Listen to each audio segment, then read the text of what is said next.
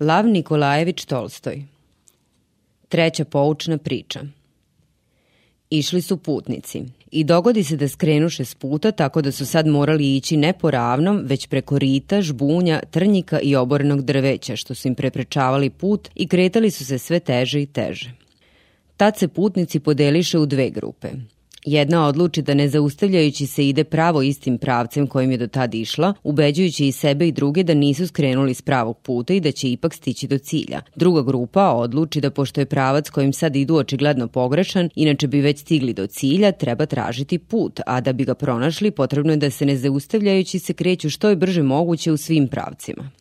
Svi putnici opredeliše se za jedno od ova dva mišljenja. Jedni odlučiše da idu neprestano pravo, drugi odlučiše da idu na sve strane, ali se nađe jedan čovek koji, ne složivši se ni s jednim ni sa drugim mišljenjem, reče da preno što krenu tim pravcem kojim su već išli ili počnu da se kreću brzo u svim pravcima, nadajući se da će na taj način naći pravi put, potrebno je pre svega zaustaviti se i razmotriti okolnosti i tek zatim, pošto ih razmotre, izabrati jedno ili drugo ali su se putnici bili tako zahutali, bili su toliko preplašeni zbog svojeg položaja, tako su hteli da se uteše nadom da nisu zalutali, već da su samo za izvesno vreme skrenuli s puta i za časak će ga opet naći, te su što je najvažnije hteli kretanjem da suzbiju svoj strah, da to mišljenje naiđe na opšte negodovanje, prekore i podsmeh kako ljudi koji su hteli da idu prvim, tako i ljudi koji su hteli da idu drugim pravcem.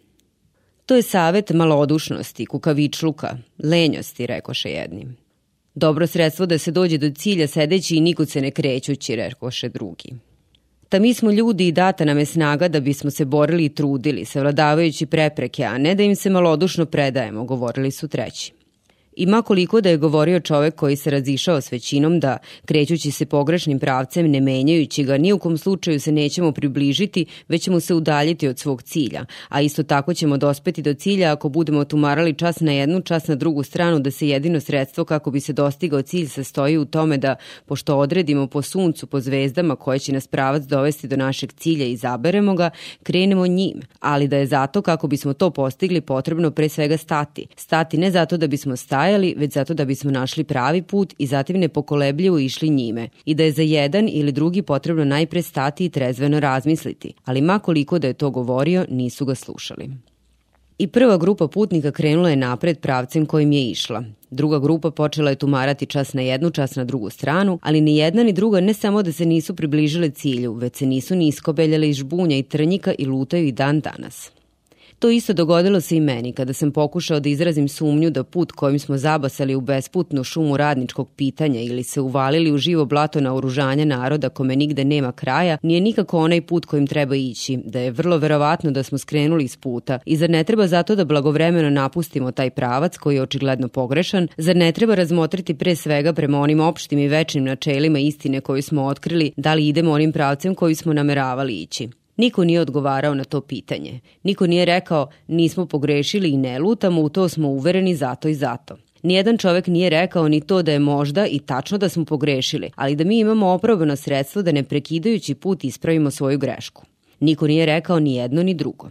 Već su se svi naljutili, našli se uvređeni i pohitali da složnim istupanjem priguše moj usamljeni glas. Mi smo jednako lenji i zaostali, a to je propoved lenjosti, dokonosti, besposličenja. Neki su čak dodali apsolutnog besposličenja. Ne slušajte ga napred za nama, povikaše kako oni koji smatraju da je spas u tome da se ne menjajući ga ide jednim izabranim pravcem, ma kakav da je, tako i oni koji smatraju da je spas u tome da se tumara na sve strane. Zašto stajati, zašto razmišljati? Brže napred. Sve će samo po sebi doći na svoje mesto. Ljudi su skrenuli s puta i muče se zbog toga. Čini se da pre svega treba pojačati energiju i da nju ne treba upraviti na pojačanje tog kretanja koje nas je odvuklo u ovaj neizvesni položaj u kome se nalazimo, već na to da ga prekinemo. Čini se da je jasno da samo zaustavivši se možemo makar u nekoliko shvatiti svoj položaj i naći onaj pravac kojim treba ići kako bismo došli do pravog blagostanja ne jednog čoveka, ne jednog sloja ljudi, već do pravog opšteg blagostanja čovečanstva kojim streme svi ljudi i svako ljudsko srce pona osob. I šta? Ljudi smišljaju sve moguće, samo ne ono jedno što ih može spasiti. A ako ih i ne bi spasilo, onda makar da im olakša položaj. Naime, to da makar za časak stanu i ne nastave da svojom lažnom preduzimljivošću povećavaju svoje nevolje. Ljudi osjećaju svoj očajni položaj i čine sve što je moguće da se izvuku iz njega, ali ono jedno što će im po svoj prilici olakšati položaj ni po koju cenu ne žele učiniti i savet da to učine ljuti ih više nego bilo šta. Ako bi se još moglo sumnjati da smo zalutali, onda ovakav stav prema svetu da promislimo dokazuje očiglednije od svega koliko smo beznadežno zalutali i koliko je veliko naše očajanje.